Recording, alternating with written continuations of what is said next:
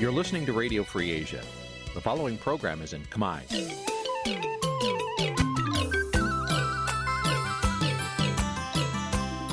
Nǐ chi càm bi tiệp xáy vệt chiu a zì sáy.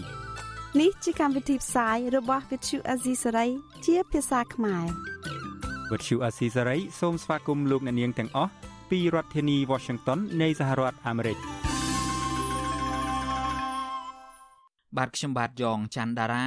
សូមជម្រាបសួរលោកអ្នកនាងអ្នកស្ដាប់វិទ្យុអាស៊ីសេរីទាំងអស់ជាទីមេត្រីខ្ញុំបាទសូមជូនកម្មវិធីផ្សាយសម្រាប់ព្រឹកថ្ងៃអាទិត្យ13កើតខែទុតិយាសាទឆ្នាំថោះបัญចស័កពុទ្ធសករាជ2567ត្រូវនឹងថ្ងៃទី30ខែកក្កដាគ្រិស្តសករាជ2023បាទជាដំបូងនេះសូមអញ្ជើញអស់លោកអ្នកនាងស្ដាប់ព័ត៌មានប្រចាំថ្ងៃដែលមានមេត្តាដូចតទៅ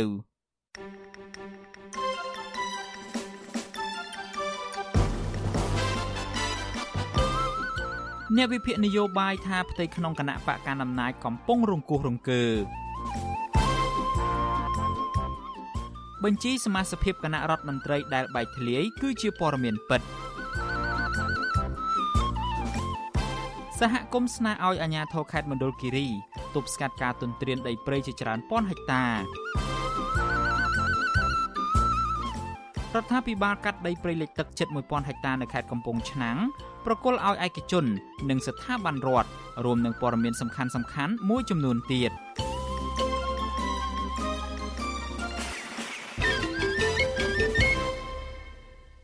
បាទជាបន្តទៅទៀតនេះខ្ញុំបាទយ៉ងច័ន្ទដារា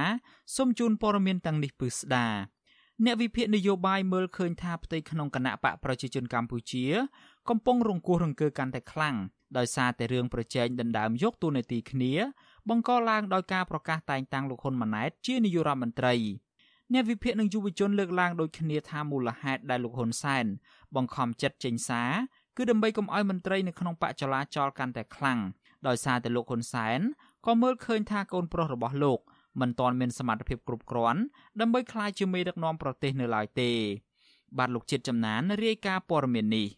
លោកហ៊ុនសែនបានចេញមុខជាសាធារណៈ ថាមន្ត្រីដែលកាន់តំណែងសំខាន់សំខាន់ក្នុងជួររដ្ឋាភិបាលបច្ចុប្បន្ននឹងមិនត្រូវបានផ្លាស់ប្ដូរចេញចំនួនឲ្យអ្នកថ្មីនោះឡើយនៅពេលដែលកូនប្រុសរបស់លោកគឺលោកហ៊ុនម៉ាណែតទទួលបានតំណែងនាយករដ្ឋមន្ត្រីនៅពេលខាងមុខនេះ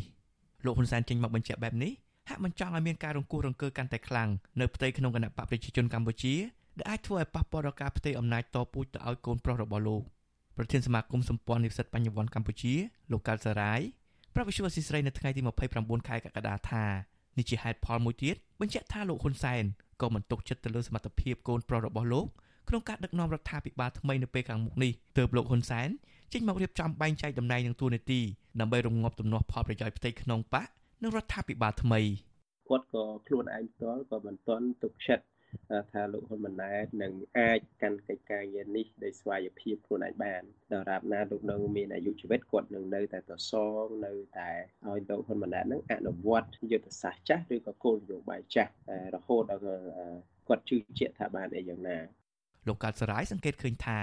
លោកហ៊ុនម៉ាណែតមិនទាន់មានសមត្ថភាពគ្រប់គ្រាន់ទាំងចិត្តសាស្ត្រនយោបាយបទពិសោធន៍នយោបាយវិសាលភាពអំណាចដូច្នេះទើបលោកហ៊ុនសែនប្រកាសទៅកាន់តំណែងកាន់តែខ្ពស់ជាងមុន គឺប្រធានព្រឹទ្ធសភានិងប្រធានឧត្តមក្រុមប្រឹក្សាព្រះមហាក្សត្រនៅពេលដែលលោកផ្ទេរតំណែងនាយករដ្ឋមន្ត្រីទៅឲ្យលោកហ៊ុនម៉ាណែតការលើកឡើងរបស់លោកកាត់សរាយនេះធ្វើឡើងបន្ទាប់ពីលោកហ៊ុនសែនបង្ហោះសារជាសម្លេងជាសាធារណៈកុំឲ្យក្រុមមន្ត្រីក្នុងជួររដ្ឋាភិបាលតែនឹងអស់អាណត្តិខាងមុខនេះបន្តចលាចលរឿងផ្លាស់ប្តូរតំណែងចំនួនឲ្យអ្នកថ្មីលោកហ៊ុនសែនបញ្ជាក់ថានៅពេលបង្កើតរដ្ឋាភិបាលថ្មីដែលមានកូនប្រុសរបស់លោកធ្វើជានាយករដ្ឋមន្ត្រីនោះ នឹងមិនផ្លាស់ប្តូរតួនាទីរបស់មន្ត្រីរាជការមុខងារទាំងសាធារណៈនិងនយោបាយដែលកាន់តំណែងចាប់ពីរដ្ឋលេខាធិការរហូតដល់អគ្គនាយកដ្ឋាន មេធាហានកងរាជអាវុធហត្ថនិងប៉ូលីសគ្រប់ជាន់ថ្នាក់និងតំណែងអភិបាលខេត្តស្រុកក្រុងខណ្ឌឡើយលើកលែងតែអ្នកនោះត្រូវដល់អាយុចូលនិវត្តន៍ដូច្នេះសូមបងប្អូនទាំងអស់កុំមានការព្រួយបារម្ភអំពី ចំណុចតាក់ទងជាមួយនឹងរឿងតើខ្លួនត្រូវធ្វើអ្វីទៀតកិច្ចការតែមួយទេដែលត្រូវតែ ធ្វើការកែតម្រង់នោះគឺរដ្ឋមន្ត្រីប្រតិភូអមនាយករដ្ឋមន្ត្រីលោកហ៊ុនសែនបញ្ជាក់ថាប៉ុន្តែអ្នកដែលកាន់តំណែងជារដ្ឋមន្ត្រីប្រតិភូអមនាយករដ្ឋមន្ត្រីនិងកាន់តំណែងជារដ្ឋលេខាធិការតាមក្រសួងនឹងត្រូវប៉ះពាល់ដោយសារតែតម្រូវឲ្យកាន់តំណែងតែមួយប៉ុណ្ណោះលើកលែងតែប្រធានអគ្គនាយកដ្ឋានពន្ធនាគារនិងអគ្គនាយកដ្ឋានកយនឹងរដ្ឋកោលើសពីនេះលោកហ៊ុនសែនក៏បន្តសូមឲ្យក្រុមថ្នាក់ដឹកនាំកម្ពុជាដូចជាឧបនាយករដ្ឋមន្ត្រីទេសរដ្ឋមន្ត្រី និងរដ្ឋមន្ត្រីនឹងនៅតែបន្តធ្វើជាតំណាងរាស្ត្រឬតែងតាំងជាទីប្រឹក្សារដ្ឋាភិបាលនៅពេលដែលត្រូវអស់អំណាចតាមការចាត់ចែងរបស់លោកហ៊ុនសែនអ្នកវិភាគនយោបាយលោកកឹមសុខសង្កេតឃើញថាកាលដែលលោកហ៊ុនសែនចេញមុខចាត់ចែងកុំឲ្យមានចំនួនផ្ទៃក្នុងគណៈបកប្រជាជនកម្ពុជាកាន់តែរីកធំនោះដោយសារតែលោកដឹងថាលោកហ៊ុនម៉ាណែតមិនទាន់មានសមត្ថភាពគ្រប់គ្រាន់អាចដោះស្រាយបញ្ហាបកនេះរួមទាំងបញ្ហាទណ្ឌកម្មផ្សេងផ្សេងពីសហគមន៍អន្តរជាតិលោកកឹមសុខបន្តថានៅក្រៅការបោះឆ្នោតជ្រើសតាំងតំណាងរាស្ត្រខុសច្បាប់ កាលពីថ្ងៃទី23ខែកក្កដានឹងធ្វើឲ្យកម្ពុជាជួបវិបត្តិសេដ្ឋកិច្ចកាន់តែធ្ងន់ធ្ងរនៅពេលនោះវិបត្តិផ្ទៃក្នុងរបស់គណៈបកកណ្ដាលអំណាចក៏កាន់តែធ្ងន់ធ្ងរដែរលោកហ៊ុនសែនគាត់ត្រូវចេញមុខចាត់ចែងអាកាត់បំពេញគេឯងហើយពីព្រោះគាត់ដឹងច្បាស់ណាស់ថាបើទុកតួនាទីនេះឲ្យកូនប្រុសរបស់គាត់ហ៊ុនម៉ាណែតគ្មានសមត្ថភាព ដឹកនាំគ្រប់គ្រងនយោបាយនោះទេគ្មានសមត្ថភាពដោះស្រាយវិវាទផ្ទៃក្នុងគណៈបកប្រជាជន ទាំងអ្នកចាស់ទាំងអ្នកថ្មីគ្មានសមត្ថភាពប្រឈមវិបត្តិទណ្ឌកម្មពីអន្តរជាតិហើយក៏គ្មានសមត្ថភាពដោះស្រាយវិបត្តិសេដ្ឋកិច្ចសង្គមដែលនឹងកើតមានឡើងដែរ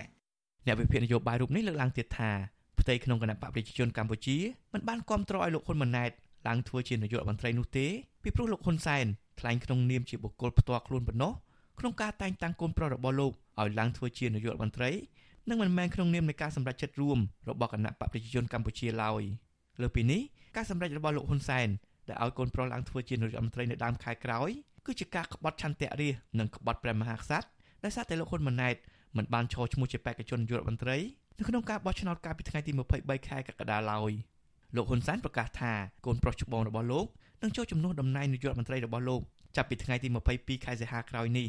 ការប្រកាសនេះគឺធ្វើឡើងក្រោយតែ3ថ្ងៃបន្ទាប់ពីការបោះឆ្នោតជ្រើសតាំងតំណាងរាស្ត្រនីតិកាលទី7ដែលគេចាត់ទុកថាជាការបោះឆ្នោតខុសរដ្ឋធម្មនុញ្ញច្បាប់អន្តរជាតិនិងមិនស្របតាមរបបលទ្ធិប្រជាធិបតេយ្យ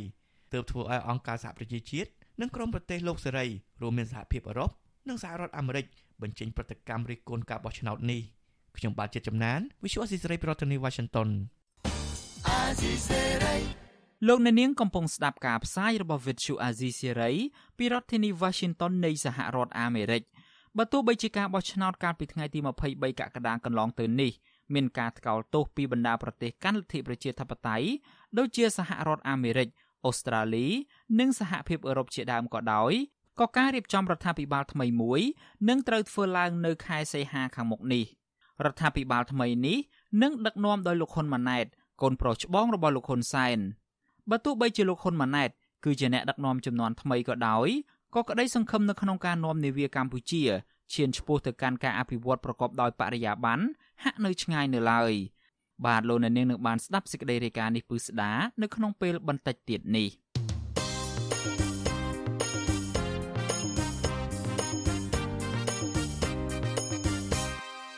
បាទលោកអ្នកនាងជាទីមេត្រី ពាក់ព័ន្ធទៅនឹងរឿងសមាជិកថ្មីនៃគណៈរដ្ឋមន្ត្រីដែលទើបតែបែកធ្លាយកាលពីពេលថ្មីថ្មីនេះវិញមន្ត្រីជាន់ខ្ពស់តំណាងគណៈបកកណ្ដាលអំណាចបញ្ជាក់ថាសមាជិកគណៈរដ្ឋមន្ត្រីថ្មីដែលបែកធ្លាយដែលលោកហ៊ុនម៉ាណែតធ្វើជានាយករដ្ឋមន្ត្រី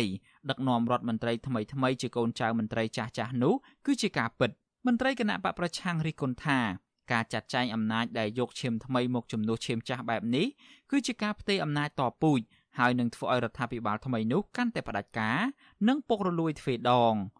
បាទសូមលោកអ្នកនាងស្ដាប់សេចក្តីរាយការណ៍ព័ត៌មាននេះរបស់លោកយុនសាមៀនដូចតទៅរបៀបផ្ទេរអំណាចរបស់គណៈបកប្រជាជនកម្ពុជា មិនមែនត្រឹមតែកូននាយករដ្ឋមន្ត្រី បានធ្វើជានាយករដ្ឋមន្ត្រីជំនួសឪពុកទីសំបីកូនកូនរដ្ឋមន្ត្រីសំខាន់សំខាន់មួយចំនួនធំ ក៏ឡើងធ្វើជារដ្ឋមន្ត្រីជំនួសឪពុករបស់ពួកគេដែរមន្ត្រីទាំងនោះរួមមានកូនប្រុសលោកសខេងឈ្មោះសសុខានឹងធ្វើជារដ្ឋមន្ត្រីក្រសួងមហាផ្ទៃជំនួសឪកូនប្រុសលោកទាបាញ់ឈ្មោះទាសីហានឹងឡើងធ្វើជារដ្ឋមន្ត្រីក្រសួងការពារជាតិជំនួសឪពុកដែរ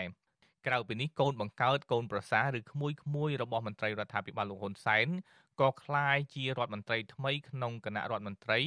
ដែលដឹកនាំដោយលោកហ៊ុនម៉ាណែតដែរ។ អ្នកនាំពាក្យគណៈបកប្រជាជនកម្ពុជាលោកសុកអេសានប្រាប់វិទ្យុអាស៊ីសេរីនៅថ្ងៃទី29កក្កដាថាសមាជិកគណៈរដ្ឋមន្ត្រីថ្មីដែលបែកធ្លាយកាលពីពេលថ្មីថ្មីនេះគឺសុទ្ធតែជារដ្ឋមន្ត្រីថ្មីនៃរដ្ឋាភិបាលលោកហ៊ុនម៉ាណែតលោកសុកអេសានថាលោកមិនបានដឹងថាអ្នកណាជាអ្នកធ្វើឲ្យបែកធ្លាយសមាជិកគណៈរដ្ឋមន្ត្រីថ្មីនេះទេ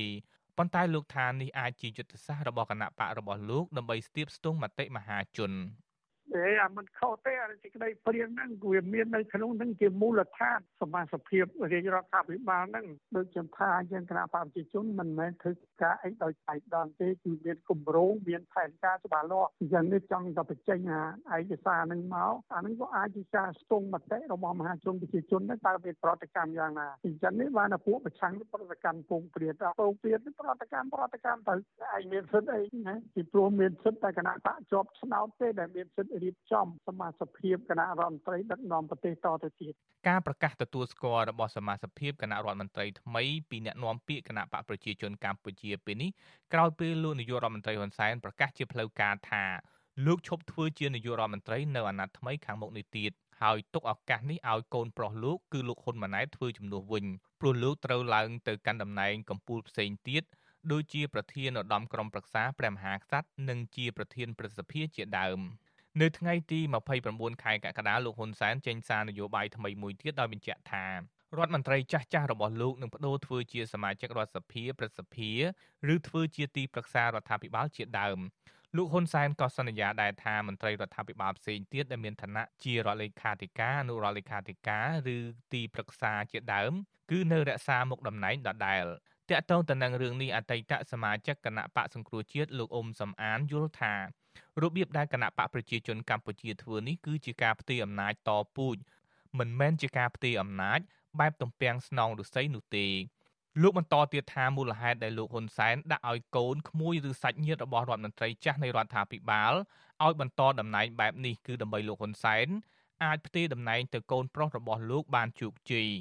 ទោះបីជាយ៉ាងណាលោកថាការផ្ទេរអំណាចតពូជបែបនេះនឹងធ្វើឲ្យរដ្ឋាភិបាលថ្មីរបស់លោកហ៊ុនម៉ាណែត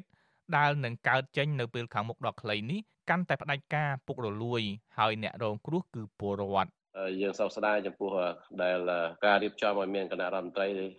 ដែលជាយុវជនបន្តពូជមិនមានជាយុវជនបន្តវេនអញ្ចឹងបាទមិនដែលមានប្រទេសណាលើពិភពលោកគេដាក់សិទ្ធិតកូនអ្នកធំធ្វើជារដ្ឋមន្ត្រីអញ្ចឹងទេសូម្បីតែប្រទេសកូរ៉េខាងជើងជាប្រទេសផ្ដាច់ការហើយកាន់អំណាចតពូជក៏គេមិនដាក់កូនគេជារដ្ឋមន្ត្រីគ្រប់ក្រសួងអញ្ចឹងដែរបាទ ពាក់ព័ន្ធទៅនឹងរឿងនេះអ្នកសិក្សាផ្នែកច្បាប់លោកវ៉ុនចាន់ឡូតយល់ឃើញថារដ្ឋមន្ត្រីថ្មីនៃរដ្ឋាភិបាលលោកហ៊ុនម៉ាណែតដែលនឹងកើតឡើងនៅពេលខាងមុខដ៏ខ្លីនេះជាការឆ្លុះបញ្ចាំងថាការគ្រប់គ្រងអំណាចនៅកម្ពុជាគឺគ្រប់គ្រងដោយមនុស្សមួយក្រុមប៉ុណ្ណោះដែលអ្នកទាំងនោះតាំងខ្លួនជាពលរដ្ឋវិសាមញ្ញហើយចាត់ទុកពលរដ្ឋទូទៅថាជាពលរដ្ឋសាមញ្ញឬពលរដ្ឋធម្មតាលោកយល់ថាគណៈបកកណ្ដាលអំណាចបញ្ចេញសមាជិកគណៈរដ្ឋមន្ត្រីថ្មី ដែលជាការបែកធ្លាយបែបនេះអាចជាយុទ្ធសាស្ត្ររបស់គណៈបកប្រជាជនកម្ពុជា ចង់ស្ទាបស្ទង់មតិពលរដ្ឋទូទៅនិងមតិរបស់មន្ត្រីក្នុងជួរគណៈបកកាន់អំណាចផងដែរទោះបីជាយ៉ាងណាលោកវ៉ុនចាន់ឡូតយល់ថាលោកហ៊ុនសែនទំនងជាព្រួយបារម្ភពីការមិនពេញចិត្តនៃមន្ត្រីរដ្ឋាភិបាល ដែលមិនស្ថិតនៅក្នុងសមាជិកនៃគណៈរដ្ឋមន្ត្រីថ្មីទើបលោកហ៊ុនសែនចេញមុខសន្យារក្សាមុខតំណែងដល់មន្ត្រីទាំងនោះដដែល យុវជនវនចាន់ឡូតរិះគន់ថាអ្វីត្បិតតែលោកហ៊ុនសែនធ្វើបែបនេះអាចរក្សាស្ថិរភាពគណៈរដ្ឋមន្ត្រីថ្មីរបស់លោកហ៊ុនម៉ាណែតបានក្តីប៉ុន្តែការអោបក្រសោបបពពួករបស់ខ្លួនបែបនេះជាការខ្ជះខ្ជាយថវិកាដ៏ច្រើនលើសលប់របស់រដ្ឋ ជារឿយរឿយអ្នកទាំងនោះតែងកំណត់ខ្លួនឯងថាជាគេហៅថាពលរដ្ឋវិសាមញ្ញហើយឯពលរដ្ឋទូទៅយុវជនទូទៅគេកំណត់ថាជាពលរដ្ឋសាមញ្ញហើយពលរដ្ឋវិសាមញ្ញគេចង់សម្ដៅថាជាពលរដ្ឋជាខ្លួនឯងហ្នឹងដែលមាននៅអភ័យឯកសិទ្ធអាចធ្វើអ្វីអ្វីបានតាមតែចិត្តចង់គេចង់បានអ្វីគឺអាចបាននឹង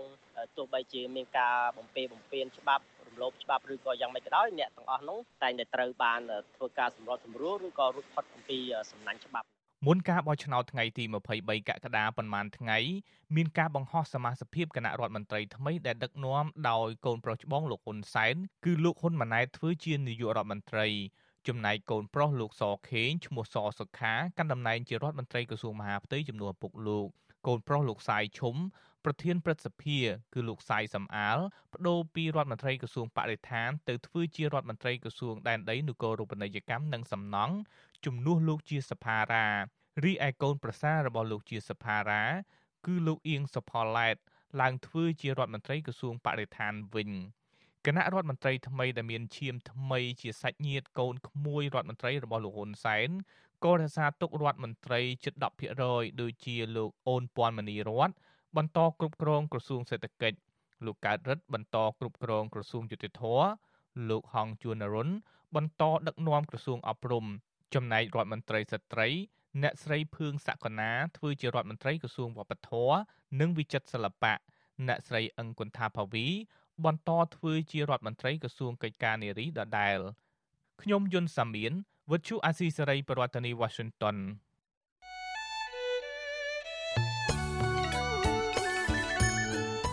លោកអ្នកនាងជាទីមេត្រី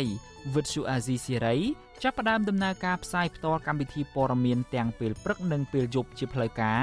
នៅលើបណ្ដាញសង្គមថ្មីមួយទៀតគឺបណ្ដាញសង្គម Telegram ចាប់ពីខែមេសាឆ្នាំ2023នេះតទៅលោកអ្នកនាងអាចស្វែងរក Telegram ផ្លូវការរបស់ Vuthu Azizi Siri ដោយស្វែងរកពាក្យថា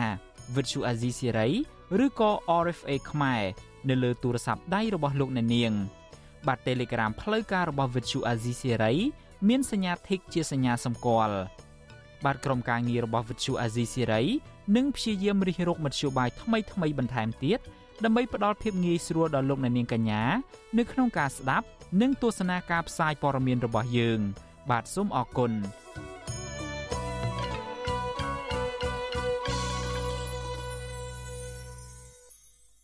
បាទលោកអ្នកនាងជាទីមេត្រីយើងមិនទាន់ទៅណាឆ្ងាយទេពាក់ព័ន្ធទៅនឹងរឿងលោកហ៊ុនម៉ាណែតនេះ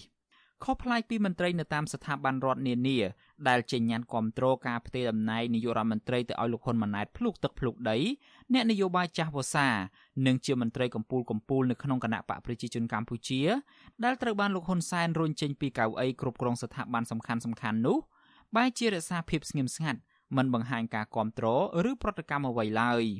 មន្ត្រីគណៈបកប្រឆាំងនិងអ្នកវិភាគលើកឡើងថានេះជាភាពមិនប្រក្រតីមួយ បង្ហាញថាគណៈបកប្រជាជនកម្ពុជា កំពុងមានបញ្ហាផ្ទៃក្នុងបណ្ដាលមកពីការផ្ទេរអំណាចតពូជរបស់គ្រួសារត្រកូលហ៊ុនក្រោយពីលោកហ៊ុនសែនប្រកាសផ្ទេរតំណែងនាយករដ្ឋមន្ត្រីទៅឲ្យកូនប្រុសគឺលោកហ៊ុនម៉ាណែតក្រុមមន្ត្រីតូចធំនៅតាមស្ថាប័ននានាព្រមទាំងក្រុមអង្គការផង បានចេញញត្តិគាំទ្រជាបន្តបន្ទាប់ទៅតាមប្រពៃណីដែលពួកគេហាក់ដឹងពីទូនីតិដែលពួកគេត្រូវធ្វើក៏ប៉ុន្តែនៅក្នុងចំណោមអ្នកគាំទ្រទាំងនោះគេមិនឃើញមានមន្ត្រីសំខាន់សំខាន់មួយចំនួនដែលមានអធិបុលនៅក្នុងថ្នាក់ដឹកនាំរដ្ឋាភិបាលរួមមានរដ្ឋមន្ត្រីក្រសួងមហាផ្ទៃលោកសខេងរដ្ឋមន្ត្រីក្រសួងការពារជាតិលោកទាបាញ់រដ្ឋមន្ត្រីក្រសួងទំនាក់ទំនងរដ្ឋសភាព្រឹទ្ធសភានិងអធិការកិច្ចអ្នកស្រីម៉ែនសំអននិងប្រធានព្រឹទ្ធសភាលោកសាយឈុំ មិនទាន់ឃើញចេញញត្តិគាំទ្រលោកហ៊ុនម៉ាណែតនៅឡើយទេគិតត្រឹមយប់ថ្ងៃទី29កក្កដាមន្ត្រីគណៈបកប្រឆាំងយល់ថាភាពស្ងៀមស្ងាត់របស់មន្ត្រីសំខាន់សំខាន់នៅក្នុងជួររដ្ឋាភិបាលបែបនេះគឺជាការធ្វើពហិការដែលបង្ហាញពីការមិនសប្បាយចិត្តចំពោះការបែងចែកអំណាចរបស់លោកហ៊ុនសែនអតីតតំណាងរាជគណៈបកសង្គ្រោះជាតិលោកអ៊ុំសំអាន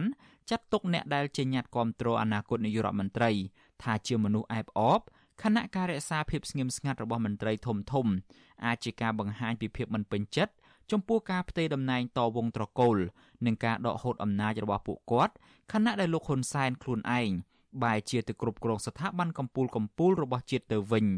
លោកបន្តថាមេដឹកនាំផ្ដាច់ការរូបនេះទំនងជាមើលឃើញពីភាពចម្រូងចម្រាសនៃការផ្ទេរតំណែងឲ្យកូនប្រុសទើបលោកប្រញាប់ប្រញាល់សម្រេចកិច្ចការនេះ ស្របពេលដែលលោកជាមនុស្សចូលចិត្តច្បាមយកអំណាចគ្រប់គ្រងតែម្នាក់ឯងហើយគៀបសង្កត់អ្នកនៅក្រោមបញ្ជា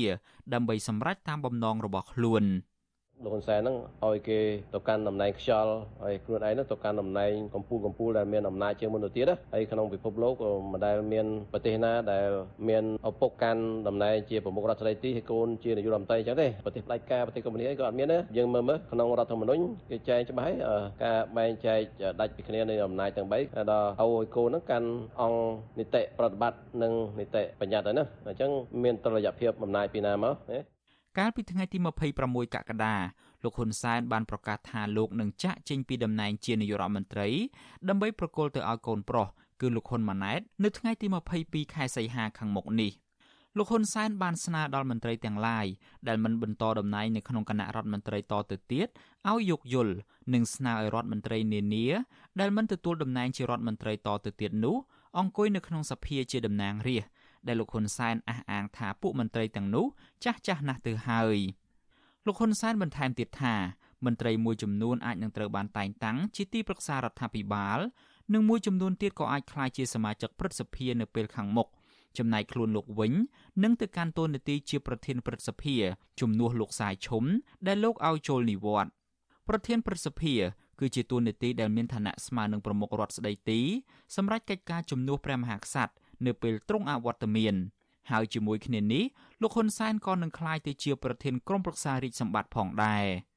ចំពោះការស្នើសុំរបស់លោកហ៊ុនសែននេះមន្ត្រីកម្ពូលកម្ពូលមួយចំនួនដូចជាលោកសខេងលោកហេងសំរិន លោកសាយឈុំលោកទាបាញ់និងអ្នកស្រីម៉ែនសំអនជាដើមមិនទាន់ឃើញបញ្ចេញសារបង្ហាញការគាំទ្រជាសាធារណៈនោះទេលោកហ៊ុនសែនបានប្រកាសថា លោកហេងសំរិន លោកសខេងលោកទាបាញ់និងអ្នកស្រីម៉ែនសំអននឹងត្រូវបានតែងតាំងជាឧត្តមទីប្រឹក្សាព្រះមហាក្សត្រដែលជាតួនាទីមិនមានអំណាចអ្វីនោះទេការផ្លាស់ប្តូរតំណែងដែលលោកហ៊ុនសែនតាំងខ្លួនឯងជាមេចំណែកនេះហាក់គ្មានតុល្យភាពចំពោះមន្ត្រីចាស់ចាស់ដែលជាអតីតសមមិត្តរួមអាវុធជាមួយលោកនោះទេពីព្រោះអំណាចកន្លឹះសំខាន់សំខាន់ត្រូវបានលោករៀបចំសម្រាប់គ្រួសារត្រកូលហ៊ុនជាអ្នកគ្រប់គ្រងចំណែកមន្ត្រីផ្សេងផ្សេងទៀត ទទួលបានតំណែងខ្យល់ដែលចាំតែគោរពតាមបញ្ជារបស់លោកហ៊ុនសែនតែកតិនទៅនឹងរឿងនេះអ្នកនាំពាក្យគណៈបកប្រជាជនកម្ពុជាលោកសុកអេសានបដិសេធថាមិនមានចំនួនផ្ទៃក្នុងនៅក្នុងជួររដ្ឋាភិបាលនោះទេ សម្ដេចហ៊ុនសែនសម្ដេចសខេងសម្ដេចម៉ែនសំអននិងសម្ដេចទៀបបាញ់នេះគឺសុទ្ធតែក្រុមមេដឹកនាំជាន់ខ្ពស់នៃគណៈបកប្រជាជនកម្ពុជារាល់ការចាត់ចែងតំណែងនិងទូនីតិឲ្យមន្ត្រីអិសរាជជនជាន់ខ្ពស់នៅក្នុងជួររាជរដ្ឋាភិបាលហើយនិងស្ថាប័នកម្ពុជានានានេះគឺកើតឡើងពីមតិសមូហភាពដែលបានពិភាក្សារវាងសម្ដេចទាំង4នឹងបាទ តកតងទៅនឹងរឿងនេះដែរអ្នកវិភាគនយោបាយលោកកឹមសុខយល់ឃើញថាការបំផុសឲ្យមានញត្តិគាំទ្រលោកហ៊ុនម៉ាណែតបង្ហាញថាអនាគតនាយករដ្ឋមន្ត្រីរូបនេះខ្វះប្រជាប្រិយភាពនឹងការគាំទ្រពីសមាជិកគណៈបកទាំងមូល ជាពិសេសនៅក្នុងគណៈកម្មាធិការអចិន្ត្រៃយ៍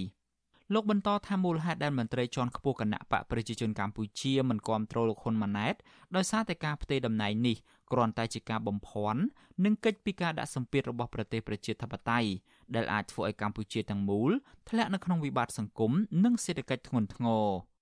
វិបត្តិវានឹងកើតមានឡើងធំណាស់សម្រាប់ប្រទេសកម្ពុជា ទាំងវិបត្តិសេដ្ឋកិច្ចពាណិជ្ជកម្មការអត់ការងារធ្វើវិបត្តិបំណុលភាពក្រីក្ររបស់ប្រជាពលរដ្ឋខ្មែរ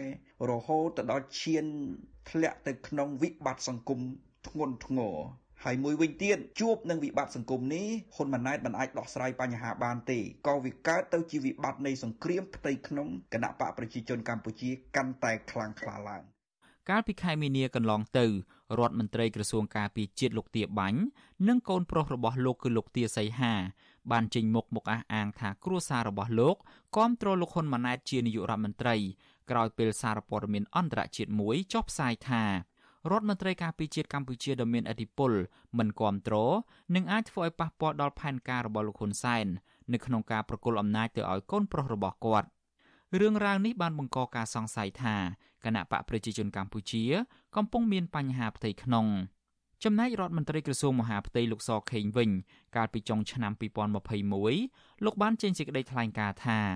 លោកនឹងគាំទ្រសេចក្តីសម្រេចរបស់គណៈបកប្រជាជនកម្ពុជា នៅក្នុងការជ្រើសតាំងលោកហ៊ុនសែនប្រធានគណៈបកប្រជាជនកម្ពុជា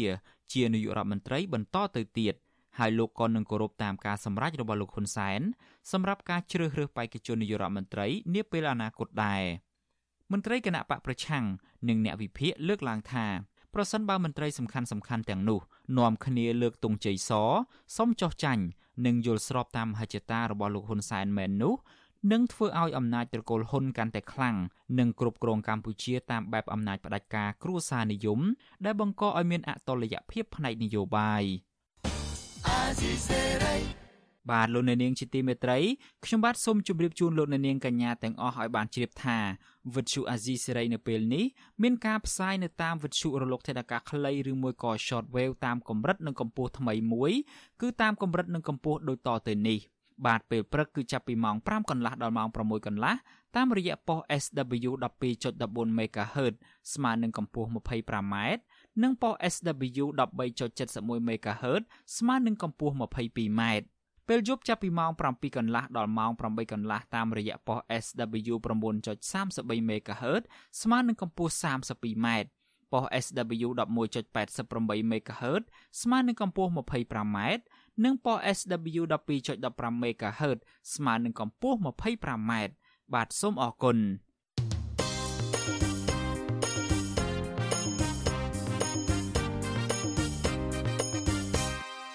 បាទលោកនាងជាទីមេត្រី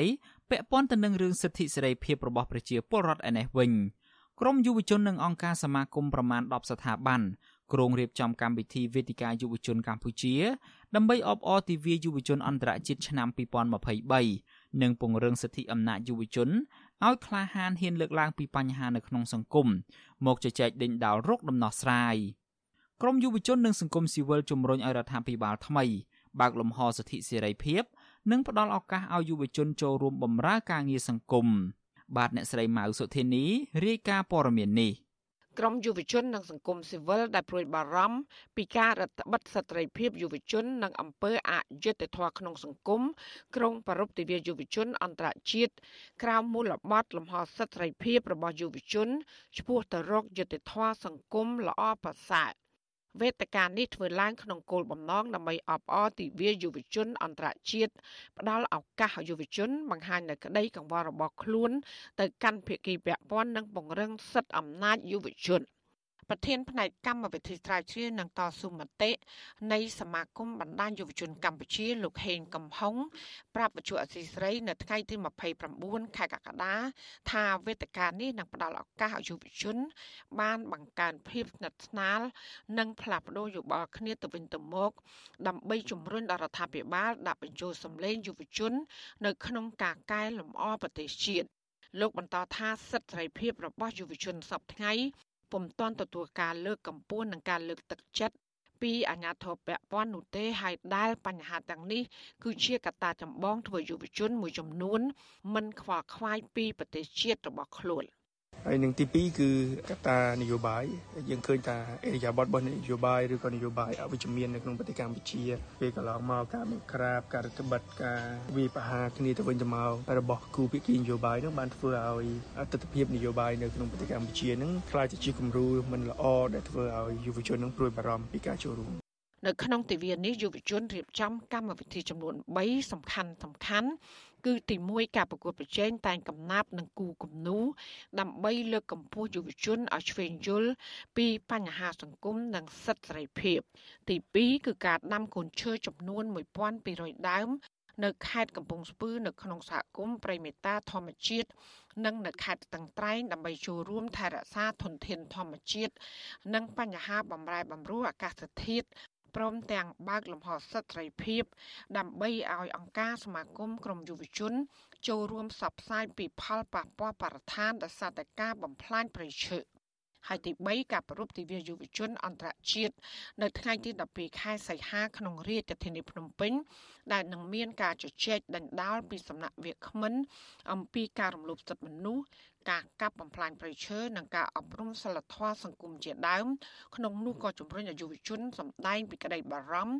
ដែលកំពុងប្រឈមក្នុងសង្គមបច្ចុប្បន្ន ក្រៅពីនេះអង្គការសង្គមស៊ីវិលប្រមាណជា10ស្ថាប័នរួមមានសមាគមសម្ព័ន្ធនិស្សិតបញ្ញវន្តខ្មែរសមាគមបណ្ដាញយុវជនកម្ពុជា អង្គការកម្មវិធីអភិវឌ្ឍធនធានយុវជន អង្គការសមត្ថៈកម្ពុជាហើយនិងអង្គការមួយចំនួនទៀតក្រុងនឹងដាក់ញត្តិទៅក្រសួងពាក់ព័ន្ធបន្ទាប់ពីចាប់កម្មវិធីទិវាយុវជនអន្តរជាតិ ស្ថាបនិកចលនាមេដាធម្មជាតិលោក Alejandro Gonzalez Davidson សង្កេតឃើញថាយុវជនដែលចូលរួមកម្មវិធីជាមួយរដ្ឋាភិបាល និងមានគំនិតទ្របជាមួយរដ្ឋាភិបាលនោះរដ្ឋាភិបាលតែងតែចាត់ទុកយុវជនទាំងនោះ គឺជាយុវជនល្អក៏ប៉ុន្តែបើសិនជាយុវជន ដែលកិត្តគូពីធនធានធម្មជាតិនិងយុវជនទាមទារយុត្តិធម៌សង្គម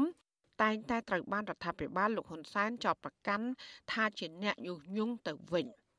នេះជាក្រមយុវជនដែលចង់ការពារទ្រព្យសម្បត្តិរបស់យើងទាំងអស់គ្នាដែលជាទ្រព្យសម្បត្តិរបស់គណបកប្រជាជនផងដែរជាទ្រព្យសម្បត្តិរបស់ប្រទេសជាតិមិនមែនជារឿងដណ្ដើមអំណាចតាមរឿងនយោបាយទេអញ្ចឹងសង្ឃឹមថាគាត់នឹងពិចារណាហើយគាត់នឹងបញ្ឈប់អាទម្លាប់ចាក់ចងដាក់ពន្ធនាគារឬក៏លាពណ៌ឬក៏ទោបាបឬក៏អីអញ្ចឹងណាបាទ ឆ្លើយតបបញ្ហានេះអ្នកនាំពាក្យរដ្ឋាភិបាលលោកផៃស៊ីផានថ្លែងថារដ្ឋាភិបាលមិនដែលបិទត្រីភាពរបស់យុវជនក៏ប៉ុន្តែរដ្ឋាភិបាលគ្រាន់តែលុបចោលនៅគំនិតនិងការបញ្ចេញមតិយោបល់ដែលញុះញង់បង្កឲ្យមានភាពរាំងស្ទះដល់ការអភិវឌ្ឍសង្គមនៅសាលាគេព្រៀនហើយយើងមានគេធ្វើបទអត្ថាធិប្បាយជាតែងសេចក្តីជាអត្ថាធិប្បាយមួយវាមានចំណុចស្របចំណុចបដិបកគឺ ចំណុចមិនស្របហើយមកធ្វើសំយោគអាហ្នឹងគឺមិនមែនចេញជាទស្សនៈទៀងក្នុងការញុះញង់ហើយចាត់ទុកថាជាការបញ្ចេញយោបល់គឺមិនមែនអញ្ចឹងទេក្រសួងយុទ្ធភ័ពបានធ្វើឃ្លីបបញ្យលប្រាប់ហើយជានឹងគូយកអានឹងមកពិចារណា ខុសពីការលើកឡើងរបស់អ្នកនាំពាក្យរូបនេះរបាយការណ៍របស់សមាគមការពារសិទ្ធិមនុស្សនិងអភិវឌ្ឍនៅកម្ពុជាហៅកាត់ថាអាត់ហុកចេញផ្សាយកាលពីថ្ងៃទី17ខែសុភាបានបង្ហាញថារយៈពេល12ខែក្នុងឆ្នាំ2022មានការរំលោភសិទ្ធិមនុស្សជិត1000ករណីដែលមានជនរងគ្រោះជាង100,000នាក់ ក្នុងនោះករណីភាគច្រើនគឺករណីចំនួនដីធ្លី ដែលមានជាង80%និងមានជនរងគ្រោះជិត40000នាក់រួមទាំងករណីគម្រាមកំហែងសកម្មភាពនយោបាយការរដ្ឋបិទសិទ្ធិភាពជួបជុំការរដ្ឋបិទសិទ្ធិភាពធ្វើបាតកម្មនិងការរដ្ឋបិទសិទ្ធិភាពមូលដ្ឋានរបស់ប្រជារដ្ឋជាដើម ជុំវិញបញ្ហានេះប្រធានសមាគមសម្ព័ន្ធនិស្សិតបញ្ញវន្តខ្មែរលោកកើតសារាយមានប្រសាសន៍ថាយុវជនបច្ចុប្បន្នមានភាពសោះអង្គើយមិនសូវខ្វល់ខ្វាយពីបញ្ហាសង្គមលោករំពឹងថាវេទិកាយុវជននេះនឹងធ្វើឲ្យយុវជនងាកមកចាប់អារម្មណ៍បញ្ហាសង្គមឡើងវិញ។ វាអត់ជារឿងសម្លែកទេហើយយើងគ្មានអ្នកអាចប្រកែកបានទេ កម្ពុជាហើយត្រូវទទួលស្គាល់ខ្លួនឯងថាប្រព័ន្ធយុទ្ធធននៅកម្ពុជាទៀបមែនទែនអ្វីដែលខ្ញុំថាទៀបមែនទែនដោយសារយើងមើលឃើញហើយខ្លួនខ្ញុំក៏ធ្លាប់ឆ្លងកាត់រឿងនឹងផ្ទាល់តែម្ដងមានន័យថាអាការប្រព្រឹត្តអំពើពុករលួយជាប្រព័ន្ធសម្បីតែក្នុងស្ថាប័នតុលាការក៏នៅមានការប្រព្រឹត្តអំពើពុករលួយការសៀតសោកអីជាដើមនេះនេះហើយជាប្រភពដែលมันអាចធ្វើឲ្យតុលាការនៅកម្ពុជាអាចផ្ដល់យុត្តិធម៌ដល់ជនស្រុតត្រង់បាន ក្រមយុវជន និងអង្គការសង្គមស៊ីវិលចង់ឃើញអាជ្ញាធរគ្រប់ភាគីបើកចិត្តទទួលយកមតិយោបល់របស់យុវជន ដើម្បីកែលម្អចំណុចខ្វះខាត និងមិនចាត់ទុកខ្មែរគ្នាឯងជាសត្រូវនោះឡើយចាននាងខ្ញុំម៉ៅសុធានីវិទ្យុអសីស្រី ប្រធានាធិបតី Washington អាស៊ីសេរីលោកអ្នកនាងជាទីមេត្រីវិទ្យុអាស៊ីសេរីនឹងចេញផ្សាយ podcast កម្ពុជាសប្តាហ៍នេះ នៅរៀងរាល់ព្រឹកថ្ងៃសៅរ៍ម៉ោងនៅកម្ពុជា នៃសប្តាហ៍នីមួយៗបាទកម្មវិធី podcast នេះរៀបចំដោយនាយកនិងនាយករងនៃកម្មវិធីផ្សាយ Vuthu Azizi Serai ជាភាសាខ្មែរគឺលោកសំពូលីនិងលោកជុនច័ន្ទបតសូមប្រិយមិត្តស្វែងរក និងស្ដាប់ podcast របស់យើង នៅលើកម្មវិធី podcast របស់ Apple, Google និង Spotify ដោយគ្រាន់តែសរសេរពាក្យថា កម្ពុជាសប្តាហ៍នេះឬ Cambodia This Week នៅក្នុងប្រអប់ស្វែងរក យើងក៏នឹងចាក់ផ្សាយកម្មវិធី podcast នេះឡើងវិញនៅក្នុងកម្មវិធីផ្សាយផ្ទាល់របស់យើងតាមបណ្ដាញសង្គម Facebook YouTube និង Telegram នៅរៀងរាល់យប់ថ្ងៃច័ន្ទម៉ោងនៅកម្ពុជា បាទសូមអរគុណ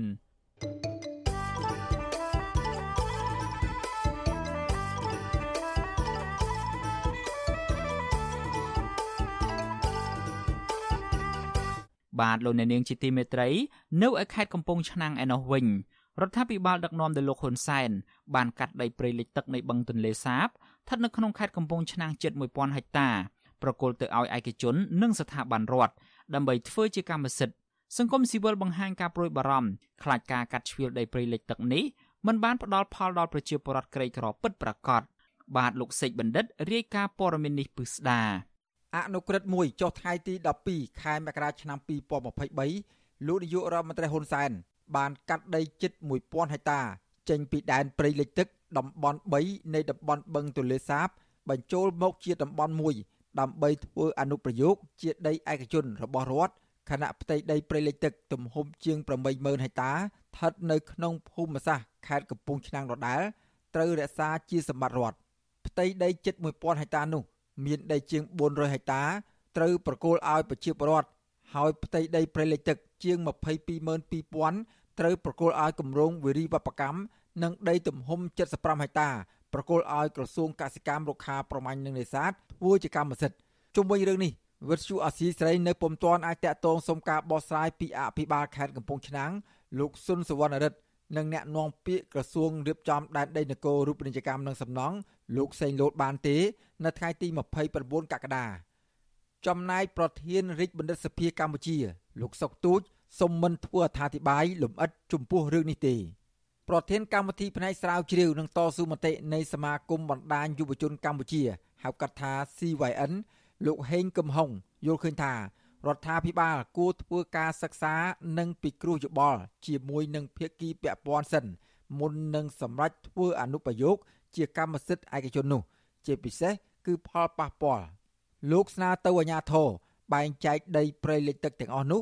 ឲ្យមានតម្លាភាពជៀសវាងយកដីនោះ ទៅឲ្យអ្នកមានប្រាក់បុណ្យស័ក្តិនិងអំណាចប៉ុន្តែយកឈ្មោះប្រជាពលរដ្ឋធ្វើជាលេសទៅវិញ។ បានទៅដល់ប្រជាពលរដ្ឋក្រីក្រមានយកទៅអាប់ទ្រៀបចំផ្ទះសម្បែងដីស្រែដីកសិកម្មខ្ញុំគិតថាល្អហើយវានឹងធ្វើឲ្យពលរដ្ឋរបស់យើងទទួលបានប្រយោជន៍ជាបើគណៈពលរដ្ឋទទួលបានប្រយោជន៍និងរដ្ឋក៏ទទួលបានប្រយោជន៍ដែរដោយសារពលរដ្ឋក្រីក្រគាត់ឡើងជាបន្ទុករបស់រដ្ឋណាប៉ុន្តែបើសិនជា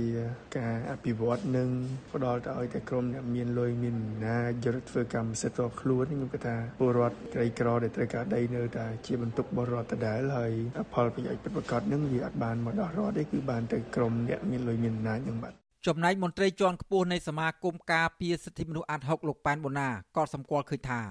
ដីដែលរដ្ឋាភិបាលកាត់ជ្រឿលភៀកច្រើនមិនបានទៅដល់ប្រជាពលរដ្ឋឡើយដោយអាជ្ញាធរបានខុបខិតគ្នា ដើម្បីយកដីនោះទៅលក់ឲ្យអ្នកមានលុយមានអំណាចលោកជំរុញឲ្យអាជ្ញាធរពាក់ព័ន្ធទាំងអស់ធ្វើយ៉ាងណាកាត់ដីនោះប្រគល់ទៅឲ្យប្រជាពលរដ្ឋដែលកំពុងជួបទុក្ខលំបាកនិងពុំមានដីធ្វើស្រែចម្ការពិតប្រាកដ ជៀសវាងលួចលាក់កាត់ដីព្រៃលិចទឹកទាំងនោះទៅឲ្យក្រុមអ្នកមានលុយមានអំណាចដែលធ្វើឲ្យប្រជាពលរដ្ឋក្រីក្រ នៅតែមិនទទួលបានដីសម្រាប់ធ្វើស្រែចម្ការ។ ការផ្ដល់ដីរដ្ឋទូប្រជាពលរដ្ឋយើងគ្រប់គ្រងហើយបាទពីព្រោះយើងមិនចង់ទុកឲ្យអ្នកណាមួយខ្វះខាតដីសម្រាប់ជីវភាពរស់នៅទេក៏ប៉ុន្តែអ្វីវាមានគោលការណ៍គ្រឹះ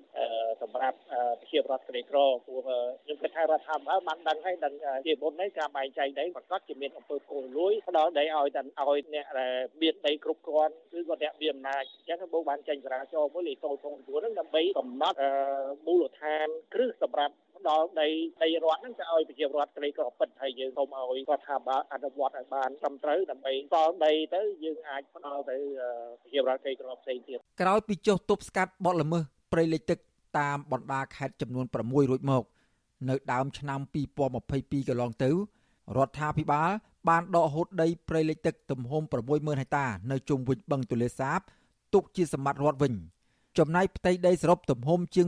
24000ហិកតា រដ្ឋាភិបាលបានសម្រេចកែសម្រួលព្រំប្រទល់តំបន់2និងតំបន់3នៃបឹងទន្លេសាបជាប់នឹងខេត្តចំនួន5ដើម្បីផ្ដល់ជាកម្មសិទ្ធិជូនដល់ពលរដ្ឋចំនួនជាង15000គ្រួសារកាលពីថ្ងៃទី29សីហាឆ្នាំ2011រដ្ឋាភិបាលបានចេញអនុក្រឹត្យមួយ ស្ដីពីការកំណត់ដែនព្រៃលិចទឹកប្រមាណ650,000ហិកតាស្ថិតនៅក្នុងខេត្តចំនួន6ជុំវិញបឹងទន្លេសាបរួមមានខេត្តកំពង់ឆ្នាំងពោធិ៍សាត់ បាត់ដំបង បន្ទាយមានជ័យខេត្តសៀមរាប និងខេត្តកំពង់ធំ ខ្ញុំបាទសេកបណ្ឌិតវិទ្យុអស៊ីសេរីពីរដ្ឋធានីវ៉ាស៊ីនតោនបាទលោកអ្នកនាងជាទីមេត្រី ពាក់ព័ន្ធនឹងបញ្ហាលុបបឹងតមោកឯនេះវិញបឹងតមោកឬបឹងកប់ស្រូវដែលមានទំហំជាង3000ហិកតាកាលពីឆ្នាំ2016នោះនៅសល់ត្រឹមតែ870ហិកតាប៉ុណ្ណោះនៅក្នុងឆ្នាំ2023នេះ ក្រោយពេលរដ្ឋាភិបាលលោកហ៊ុនសែនបានកាត់ផ្ទៃបឹងនេះចំនួន70ដង ទៅឲ្យក្រសួង ស្ថាប័នរដ្ឋអង្គការនិងវិស័យឯកជនប្រជាពលរដ្ឋនិងសកម្មជនការពារបរិស្ថានធនធានធម្មជាតិព្រួយបារម្ភថារដ្ឋាភិបាលបន្តវេនថ្មីនិងបន្តកាត់ផ្ទៃបឹងទាំងស្រុងទៅឲ្យអ្នកមានលុយមានអំណាចពីព្រោះតែកន្លងទៅរដ្ឋាភិបាលមិនដែលទទួលយកការស្នើបញ្ឈប់ការកាត់បឹងតមោកពីសំណាក់ប្រជាពលរដ្ឋនិងសកម្មជននោះទេ បាទសូមលោកអ្នកនាងស្ដាប់សេចក្តីរាយការណ៍ព័ត៌មាននេះរបស់អ្នកស្រីម៉ៅសុធីនីដូចតទៅបឹងកប់ស្រូវគឺជាបឹងមួយដែលនៅសល់ចុងក្រោយ ក្នុងចំណោមបឹងស្តុកទឹកធំធំ ដើម្បីទុកជាអាងស្តុកទឹកកខ្វក់និងរំដោះទឹកចេញពីរាជធានីភ្នំពេញ។ នៅថ្ងៃទី3ខែកុម្ភៈឆ្នាំ2016រដ្ឋាភិបាលបានចេញអនុក្រឹត្យស្តីពីការកំណត់ផ្ទៃបឹងចំនួន3239ហិកតា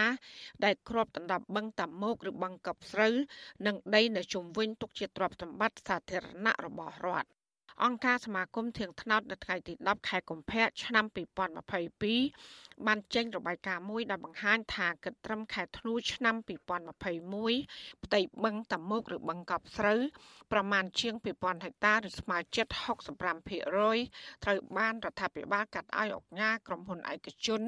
និងស្ថាប័នសាធារណៈដែលសរុបនៃការកាត់ទាំងអស់មានចំនួន43ដង រដ្ឋាភិបាលពុករលួយនឹងបកពួកនិយមរបស់លោកនាយករដ្ឋមន្ត្រីហ៊ុនសែន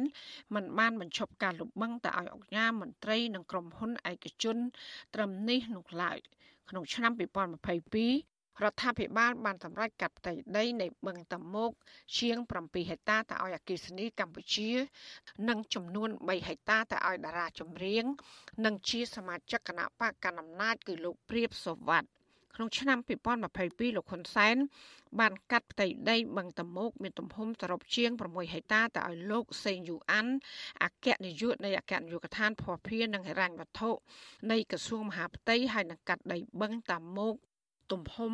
67ហិកតាទៅឲ្យលោកនុតតុនដែលគេស្គាល់ថាជានាយកក្រុមហ៊ុនអូគីដេវីឡាចំណែកនៅដើមឆ្នាំ2023 លោកហ៊ុនសែនក៏បានកាត់ដីទំហំជាង13ហិកតាទៅឲ្យលោកអុកញ៉ាឡាញ់ភេរ៉ាដែលត្រូវជាស្វាមីរបស់អ្នកស្រីហ៊ុនសៃនីនិងជាប្អូនថ្លៃរបស់លោកហ៊ុនសែនផងដែរ គិតមកដល់ខែកក្កដាឆ្នាំ2023នេះអង្គការសមាគមធៀងថ្នោតបានចេញរបាយការណ៍ថារដ្ឋាភិបាលបានធ្វើអនុប្រយោគផ្ទៃដីបឹងតមោកមកជាទ្រព្យសម្បត្តិឯកជនរបស់រដ្ឋនិងប្រគល់ទៅឲ្យបុគ្គលឯកជន និងស្ថាប័ននានាជាបន្តបន្ទាប់ចំនួន70លើកស្មើនឹង2369ហិកតា បរដ្ឋរស់នៅក្បែរបឹងតមោកដាក់ត្រីសឿនត្រីសុតលើកឡើងថាគ្រឿងចាក់កំពុងតែចាក់បំពេញដីក្នុងបឹងតមោករាល់ថ្ងៃហើយអ្នកស្រីបារម្ភថាបឹងដែលបរដ្ឋអាស្រ័យផលនឹងបាត់បង់នៅពេលខាងមុខក្នុងករណីដែលរដ្ឋាភិបាលនៅតែបន្តកាត់ដីទៅឲ្យឯកជន និងក្រុមបពុះដែលស្និទ្ធជាមួយរដ្ឋាភិបាលអ្នកស្រីសឿនត្រីសុតបន្តថារដ្ឋាភិបាល ដែលអះអាងថាការលុបបឹងតមោក ដើម្បីអភិវឌ្ឍនោះគ្រាន់តែជាពាក្យដោះសារប៉ុណ្ណោះតែជាក់ស្ដែងមានតែក្រុមបកពួកដែលស្និទ្ធនឹងរដ្ឋាភិបាលនោះទេ ដែលទទួលបានផលប្រយោជន៍ចំណែកប្រជាប្រដ្ឋដែលអាស្រ័យផលពីបឹងតមោកវិញបែរជាត្រូវរដ្ឋាភិបាលប្រាប់ប្រព័ន្ធតុលាការធ្វើទុកបុកម្នេញនិងបណ្ដឹងចេញដោយបង្ខំ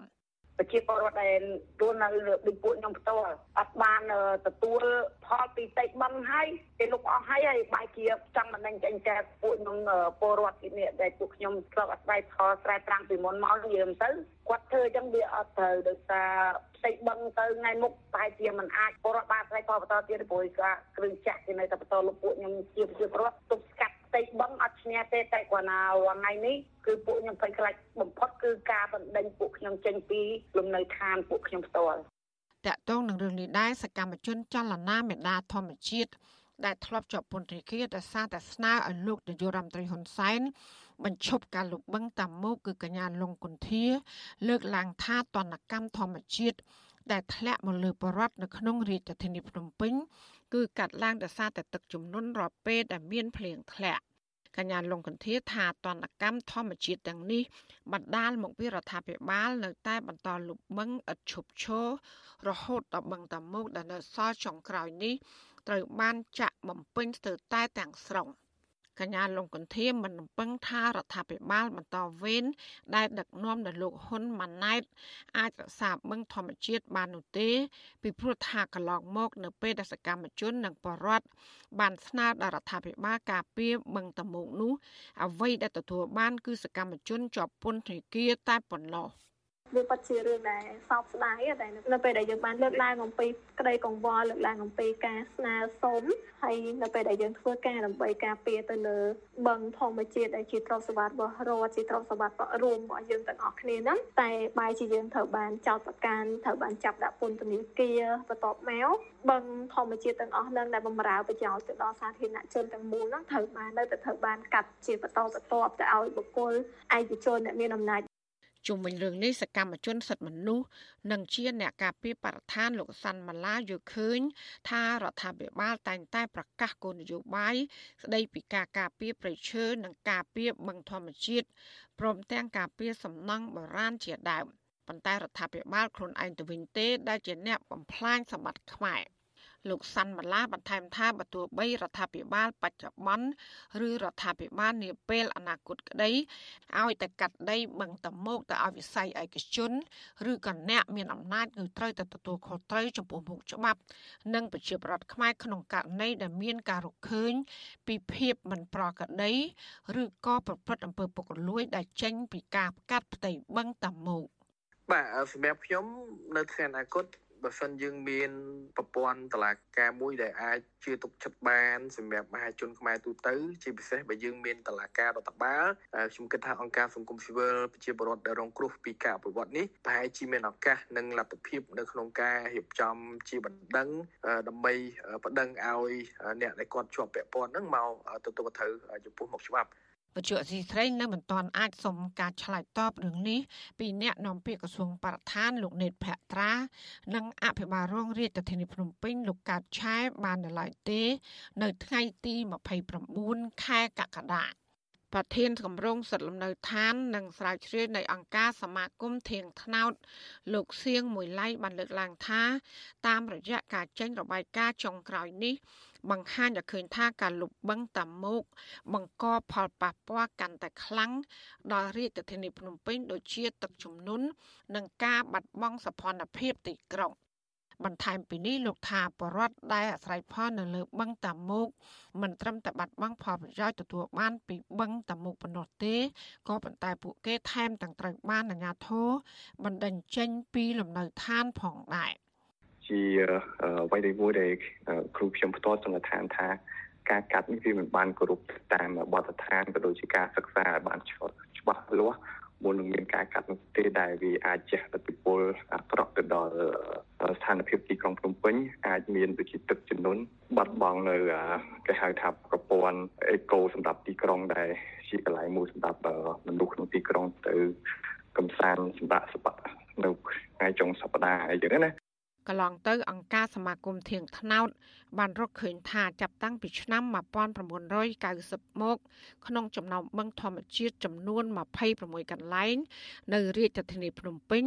គឺមានបឹងចំនួន16កន្លែងត្រូវបានលុបទាំងស្រុង និងមានបឹងធម្មជាតិចំនួន10កន្លែងទៀតត្រូវបានលុបជាបន្តបន្ទាប់រួចហើយ ដើម្បីសាងសង់បរិយាលំនៅឋាននិងទីក្រុងរណបចាននាងខ្ញុំម៉ៅសុធានីវັດឈូអាស៊ីសេរីប្រធានាធិបតី Washington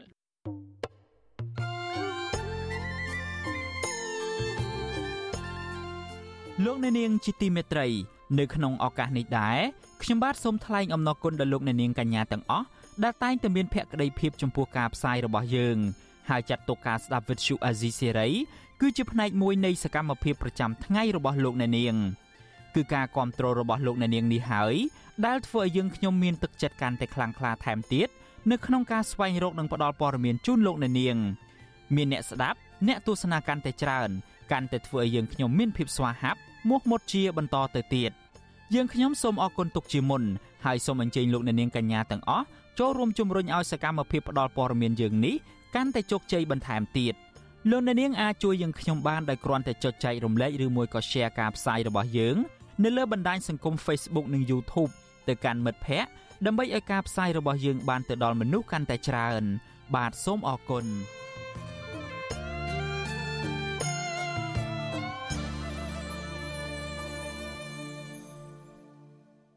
លោកអ្នកនាងកំពុងស្ដាប់ការផ្សាយរបស់ Vuthu Azizi Serai ពីរដ្ឋធានី Washington នៃសហរដ្ឋអាមេរិក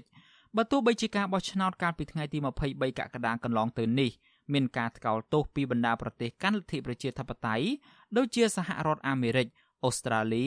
និងសហភាពអឺរ៉ុបជាដើមក៏ដោយក៏ការរៀបចំរដ្ឋាភិបាលថ្មីមួយនឹងត្រូវធ្វើឡើងនៅខែសីហាខាងមុខនេះរដ្ឋាភិបាលថ្មីនេះនឹងដឹកនាំដោយលោកហ៊ុនម៉ាណែតកូនប្រុសច្បងរបស់លោកហ៊ុនសែន បើទោះបីជាលោកហ៊ុនម៉ាណែតគឺជាអ្នកដឹកនាំចំនួនថ្មីក៏ដោយក៏ក្តីសង្ឃឹមនៅក្នុងការនាំនាវាកម្ពុជាឈានឆ្ពោះទៅកាន់ការអភិវឌ្ឍប្រកបដោយបរិយាបន្នហាក់នៅឆ្ងាយនៅឡើយបាទសូមលោកអ្នកនាងស្ដាប់សេចក្តីរាយការណ៍ពឹស្ដារបស់លោកជួនជំនាញអំពីរឿងនេះដូចតទៅបន្ទាប់ពីលោកហ៊ុនសែនបានថ្លែងសារនយោបាយពិសេសកាលពីថ្ងៃពុធសប្តាហ៍នេះមកគ្មានទៀតឡើយភាពស្រពេចស្រពិលនៃអនាគតនាយករដ្ឋមន្ត្រី លោកហ៊ុនម៉ាណែតដែលជាកូនប្រុសច្បងលោកហ៊ុនសែននឹងក្លាយជានាយករដ្ឋមន្ត្រីបន្ទាប់ពីការបោះឆ្នោតជាតិកាលពីថ្ងៃទី23កក្កដាដោយគ្មានការចូលរួមពីគណៈបកប្រឆាំងដ៏មានសក្តានុពលរួចមកតើលោកហ៊ុនម៉ាណែតដែលជាយុវជនចំនួនក្រោយទទួលបានការបណ្ដុះបណ្ដាលពីបណ្ដាប្រទេសលោកសេរី មានទាំងពីជំនាញយោធារហូតដល់បណ្ឌិតសេដ្ឋកិច្ចអាចដឹកនាំនាវាកម្ពុជាឲ្យមានការរីកចម្រើន ដោយមានការចូលរួមប្រកបដោយបរិយាបន្នពីសំណាក់យុវជនចំនួនក្រោយដែរឬទេ ជាការពិតណាស់ការអភិវឌ្ឍប្រទេសមិនអាចខ្វះបានទេនូវធនធានមនុស្សប្រកបដោយឆន្ទៈនិងមានសមត្ថភាពពិតប្រាកដហើយធនធានយុវជននៅកម្ពុជាក៏មិនខ្វះដែរដែលទទួលបានការបណ្ដុះបណ្ដាលទាំងក្នុងនិងក្រៅប្រទេសលើគ្រប់វិស័យទាំងអស់បន្ទាប់ពីមានការរៀបចំការបោះឆ្នោត តាមលទ្ធិប្រជាធិបតេយ្យជាលើកដំបូងនៅឆ្នាំ1993មកមានប្រទេសច្រើនណាស់ផ្ដល់ជំនួយដល់ការអភិវឌ្ឍប្រទេសកម្ពុជា ដែលក្នុងនោះក៏មានផងដែរនូវជំនួយអភិវឌ្ឍធនធានមនុស្សទាំងជំនួយផ្នែកបច្ចេកទេសតាមបណ្ដាសាកលវិទ្យាល័យព្រមទាំងការផ្ដល់អាហារូបករណ៍បញ្ជូននិស្សិតដែលត្រូវបានជ្រើសរើសយ៉ាងយកចិត្តទុកដាក់ទៅបន្តការសិក្សានៅក្រៅប្រទេស ប្រទេសអូស្ត្រាលីតែមួយប៉ុណ្ណោះបានផ្ដល់អាហារូបករណ៍ដល់និស្សិតកម្ពុជាជិត1000នាក់ហើយចាប់តាំងពីឆ្នាំ1994មកដោយនិស្សិតដែលទទួលបានការសិក្សាមិនត្រឹមតែសិក្សាពីទ្រឹស្ដីប៉ុណ្ណោះទេប៉ុន្តែថែមទាំងធ្វើការបដិញ្ញាចិត្តពីការអនុវត្តការងារល្អៗតាមជំនាញរបស់ខ្លួនដើម្បីយកទៅបម្រើប្រទេសជាតិទៀតផងប៉ុន្តែជាក់ស្ដែងមាននិស្សិតច្រើនណាស់បន្ទាប់ពីទទួលបានការបណ្ដុះបណ្ដាលរួចហើយ ទៅបំពេញការងារវិញហាក់បីដូចជាកិច្ចមិនរួចពីការធ្វើការទៅតាមប្រព័ន្ធបំពេញការងារប្រកបដោយអំពើពុករលួយបកពួកនិយមមិនសូវគិតគូរដល់ប្រយោជន៍ជាតិនោះទេចំណែកនិស្សិតដែលរក្សានូវឧត្តមគតិដើមរបស់ខ្លួនហាក់មិនអាចបំពេញការងារបាន ហើយអាចងាកទៅបំពេញការងារនៅវិស័យឯកជន ឬអង្គការក្រៅរដ្ឋាភិបាលជាងនេះទៅទៀតនិស្សិតមួយចំនួនទៀតដែលមានឱកាសថែមទាំងបានត្រឡប់ទៅបំពេញការងារក្រៅប្រទេសទៀតផងនេះ មិនទាន់រាប់បញ្ចូលនៅនិស្សិតអាហារូបករណ៍ទៅសិក្សានៅតាមបណ្ដាប្រទេសសេរីដទៃទៀតដូចជាសហរដ្ឋអាមេរិកជប៉ុនសហគមន៍អឺរ៉ុបជាដើមក្រៅពីការបញ្ជូននិស្សិតតាមរយៈអាហារូបករណ៍ក៏មានផងដែរនៅកូនចៅអ្នកមានទ្រព្យធននិងកូនមន្ត្រីរាជការដែលបានបញ្ជូនកូនកូនរបស់ខ្លួនទៅសិក្សានៅក្រៅប្រទេសជាពិសេសគឺបណ្ដាប្រទេសនិយាយភាសាអង់គ្លេសជាភាសាទី1ដូចជាសហរដ្ឋអាមេរិកអូស្ត្រាលីអង់គ្លេសសិង្ហបុរីជាដើម បើជាកូនចៅរបស់មន្ត្រីមានខ្សែធំធំពួកគេអាចវិលត្រឡប់ទៅបម្រើការងារដោយកិច្ចមិនផុតពីការដើរតាមប្រព័ន្ធចាស់នៅក្នុងរដ្ឋាភិបាលប៉ុន្តែភាគច្រើនអ្នកបញ្ជូនកូនមកសិក្សានៅក្រៅប្រទេសហាក់បីដូចជាអ្នកស្វែងរកឱកាសក្នុងការរត់គេចចេញពីសន្តិភាពដែលអ្នកដឹកនាំប្រកាសនឹងដាក់ស្លាកស្ទើរគ្រប់ទីកន្លែងនៅពាក្យអគុណសន្តិភាពដូច្នេះ ជារួមមកនិស្សិតឬយុវជនទទួលបានការបណ្ដុះបណ្ដាលពីក្រៅប្រទេសនៅតែមិនទាន់ឃើញមានភាពលេចធ្លោក្នុងការយកមកជាមួយនឹងការអនុវត្តល្អៗពីអ្វីដែលខ្លួនបានរៀនសូត្រនិងអនុវត្តនៅក្រៅប្រទេសនៅឡើយបើក្រឡេកមើលទៅលើយុវជនដែលទទួលបានការបណ្ដុះបណ្ដាលក្នុងប្រទេសវិញក៏មានមិនតិចណាស់ដែរដោយក្នុងមួយឆ្នាំមួយឆ្នាំលោកនាយរដ្ឋមន្ត្រីហ៊ុនសែនធ្វើជាអធិបតីក្នុងពិធីប្រគល់សញ្ញាបត្រជូននិស្សិតរាប់ម៉ឺនរាប់សែននាក់ ទោះបីជាទទួលបានការបណ្ដុះបណ្ដាលក្នុងស្រុកមានក៏យុវជនមួយចំនួនធំមានសមត្ថភាពនិងសក្តានុពលក្នុងការបម្រើដល់ការអភិវឌ្ឍប្រទេសមិនចាញ់យុវជនដែលទទួលបានការបណ្ដុះបណ្ដាលពីក្រៅប្រទេសដែរប៉ុន្តែសំណួរសួរថាតើគេមានឱកាសក្នុងការបញ្ចេញសមត្ថភាពឬទទួលតំណែងក្នុងការដឹកនាំដែលអាចជះឥទ្ធិពលលើប្រព័ន្ធដឹកនាំក្រោមការដឹកនាំរបស់លោកហ៊ុនសែនដែរទេ គឺគ្មានទេ តែផ្ទុយទៅវិញយុវជនបញ្ចប់ការសិក្សាមួយចំនួនបែរជាគ្មានការងារធ្វើហើយត្រូវបង្ខំចិត្តចាក់ចែងពីប្រទេសកំណើតនិងគ្រួសារទៅបំពេញការងារដើម្បីបម្រើដល់សេដ្ឋកិច្ចរបស់ប្រទេសគេទៅវិញជាក់ស្ដែងមានយុវជនពេញកម្លាំងប្រមាណ7លាននាក់ត្រូវបានគេប៉ាន់ស្មានថាកំពុងបំពេញការងារនៅប្រទេសថៃបើទោះបីជាទិន្នន័យផ្លូវការរបស់រដ្ឋាភិបាលមានត្រឹមតែជាង1លាននាក់ក៏ដោយនេះ មិនទាន់រាប់បញ្ចូលយុវជនដែលបំពេញការងារនៅប្រទេសជាច្រើនទៀតដូចជាប្រទេសកូរ៉េខាងត្បូងប្រទេសជប៉ុននិងបណ្ដាប្រទេសជាច្រើនទៀតដែលមានកិច្ចព្រមព្រៀងបញ្ជូនពលករទៅបំពេញការងារផងប្រការនេះមិនខុសពីអ្វីដែលអ្នកវិភាគចាស់ភាសាលោកបណ្ឌិតឡាវម៉ុងហៃបានសរសេររៀបរាប់នៅក្នុងទំព័រ Facebook របស់លោកថាប្រទេសគេអភិវឌ្ឍខ្វះធនធានមនុស្សចម្លែកតែប្រទេសខ្មែរអភិវឌ្ឍដែរធនធានមនុស្សរត់ចោលប្រទេស បើតាមឯកសារបែកធ្លាយពីការរៀបចំគណៈរដ្ឋមន្ត្រីថ្មីលោកហ៊ុនម៉ាណែតជានាយករដ្ឋមន្ត្រីជាការពិតណាស់មានការផ្លាស់ប្ដូររដ្ឋមន្ត្រីជាច្រើនដែលអ្នកទាំងនោះសិស្សឹងជាអ្វីដែលគណៈបកកណ្ដាលអំណាចហៅថាជាឈាមថ្មីនិងជាយុវជនប្រកបដោយសក្តានុពលប៉ុន្តែបើពិនិត្យមើលឲ្យលម្អិតជាងនេះទៅទៀត ឈាមថ្មីទាំងនោះគឺគ្មាននរណាក្រៅពីកូនកូនរបស់មន្ត្រីធំធំ និងកូនកូនរបស់រដ្ឋមន្ត្រីចាស់ចាស់ដែលបានកាន់តំណែងរាប់សិបឆ្នាំមកហើយនោះទេដែលគណៈបកប្រជាជនកម្ពុជាហៅថាជាយុវជនបន្តវេននោះដូច្នេះការដឹកនាំដោយយុវជនចំនួនថ្មីនេះក៏អាចនឹងមិនឃ្លាតឆ្ងាយពីប្រព័ន្ធចាស់ដែលគេធ្លាប់ឃើញតាមគំរូសាច់ញាតិរបស់គេឡើយជាងនេះទៅទៀតសមាជិកគណៈរដ្ឋមន្ត្រីនៅតែរៀបចំទៅតាមគំរូគណៈរដ្ឋមន្ត្រីចាស់ ដែលទទួលការរិះគន់ពីមជ្ឈដ្ឋានទូទៅថាជាគណៈរដ្ឋមន្ត្រីធំតែក្បាលឬនិយាយដល់ឡែកគ្រាន់តែជាការចែកតំណែងគ្នាឬចែកនំគ្នាហូបក្នុងចំណោមក្រុមគ្រួសារតែប៉ុណ្ណោះមិនតែប៉ុណ្ណោះចំពោះកាតំណែងជាច្រើនទៀតដូចជារដ្ឋមន្ត្រីប្រតិភូអមនាយករដ្ឋមន្ត្រីរដ្ឋលេខាធិការអនុរដ្ឋលេខាធិការនឹងគ្មានការផ្លាស់ប្ដូរនោះឡើយបើទោះបីជាក្រសួងនីមួយៗ មានរដ្ឋលេខាធិការអនុរដ្ឋលេខាធិការរាប់ស្ទើរមិនអស់ក៏ដោយនេះបើតាមការថ្លែងសារនយោបាយជាសាធារណៈរបស់លោកហ៊ុនសែននៅព្រឹកថ្ងៃសៅរ៍ទី29ខែកក្កដានេះតាក់ទងនឹងលោកហ៊ុនម៉ាណែតផ្ទាល់វិញក៏គ្មានបានបង្ហាញពីគោលនយោបាយដឹកនាំណាមួយដែលថ្មីឡើយក្នុងយុទ្ធនាការឃោសនារកសម្លេងឆ្នោតនៅក្នុងការបោះឆ្នោតជាតិអាណត្តិនេះដោយលោកគ្រាន់តែអន្ទួតាមអ្វីដែលឪពុករបស់លោកបានលើកឡើងតែប៉ុណ្ណោះ ជាពិសេសគឺការការពារសន្តិភាពនេះមិនខុសពីអ្វីដែលអ្នកវិភាគជាច្រើនបានលើកឡើងនោះទេថាលោកហ៊ុនសែនបានរៀបកម្រាលព្រំរួចជាស្រេចសម្រាប់កូនប្រុសច្បងរបស់លោកផ្ទុយពីការបញ្ជាក់ពីបកប្រជាជនកម្ពុជាអតីតមេដឹកនាំគណៈបកប្រឆាំងលោកសំរងស៊ីបានបញ្ជាក់នៅក្នុងវេទិកាសាធារណៈមួយថាមិនខ្វះទេអ្នកចេះដឹង ហើយចង់រួមចំណែកក្នុងការកសាងប្រទេស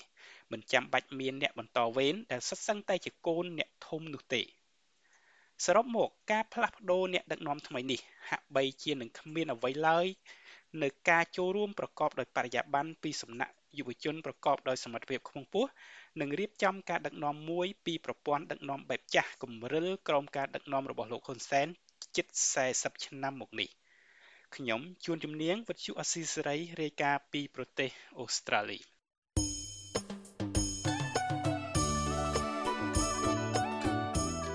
លោកអ្នកនាងជាទីមេត្រី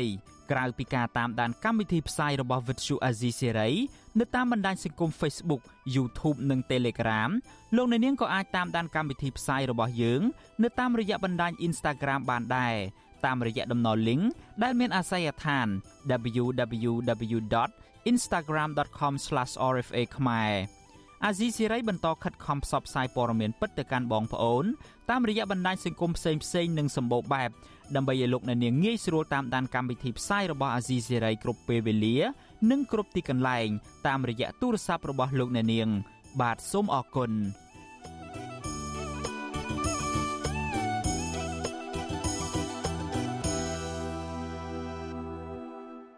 បានលោកអ្នកនាងជាទីមេត្រីនៅឯខេត្តមណ្ឌលគិរីឯណោះវិញ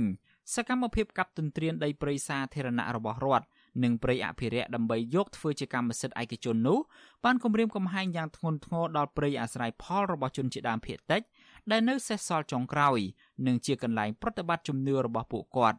ប្រជាសហគមន៍ស្នើទៅរដ្ឋាភិបាលអាណត្តិថ្មីនេះជួយដោះស្រាយបញ្ហាប្រឈមទាំងនេះឲ្យមានប្រសិទ្ធភាពដើម្បីទុកព្រៃឲ្យគង់វង្សសម្រាប់កូនចៅចំនួនក្រោយ។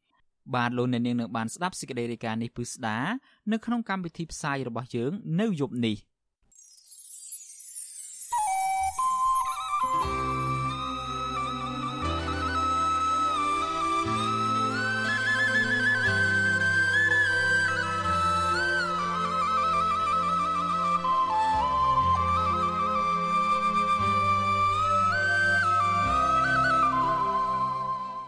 លោកអ្នកនាងជាទីមេត្រី ការផ្សាយរយៈពេល1ម៉ោងរបស់ Vuthu Azizi Serai នៅព្រឹកនេះចប់ត្រឹមតែប៉ុណ្ណេះ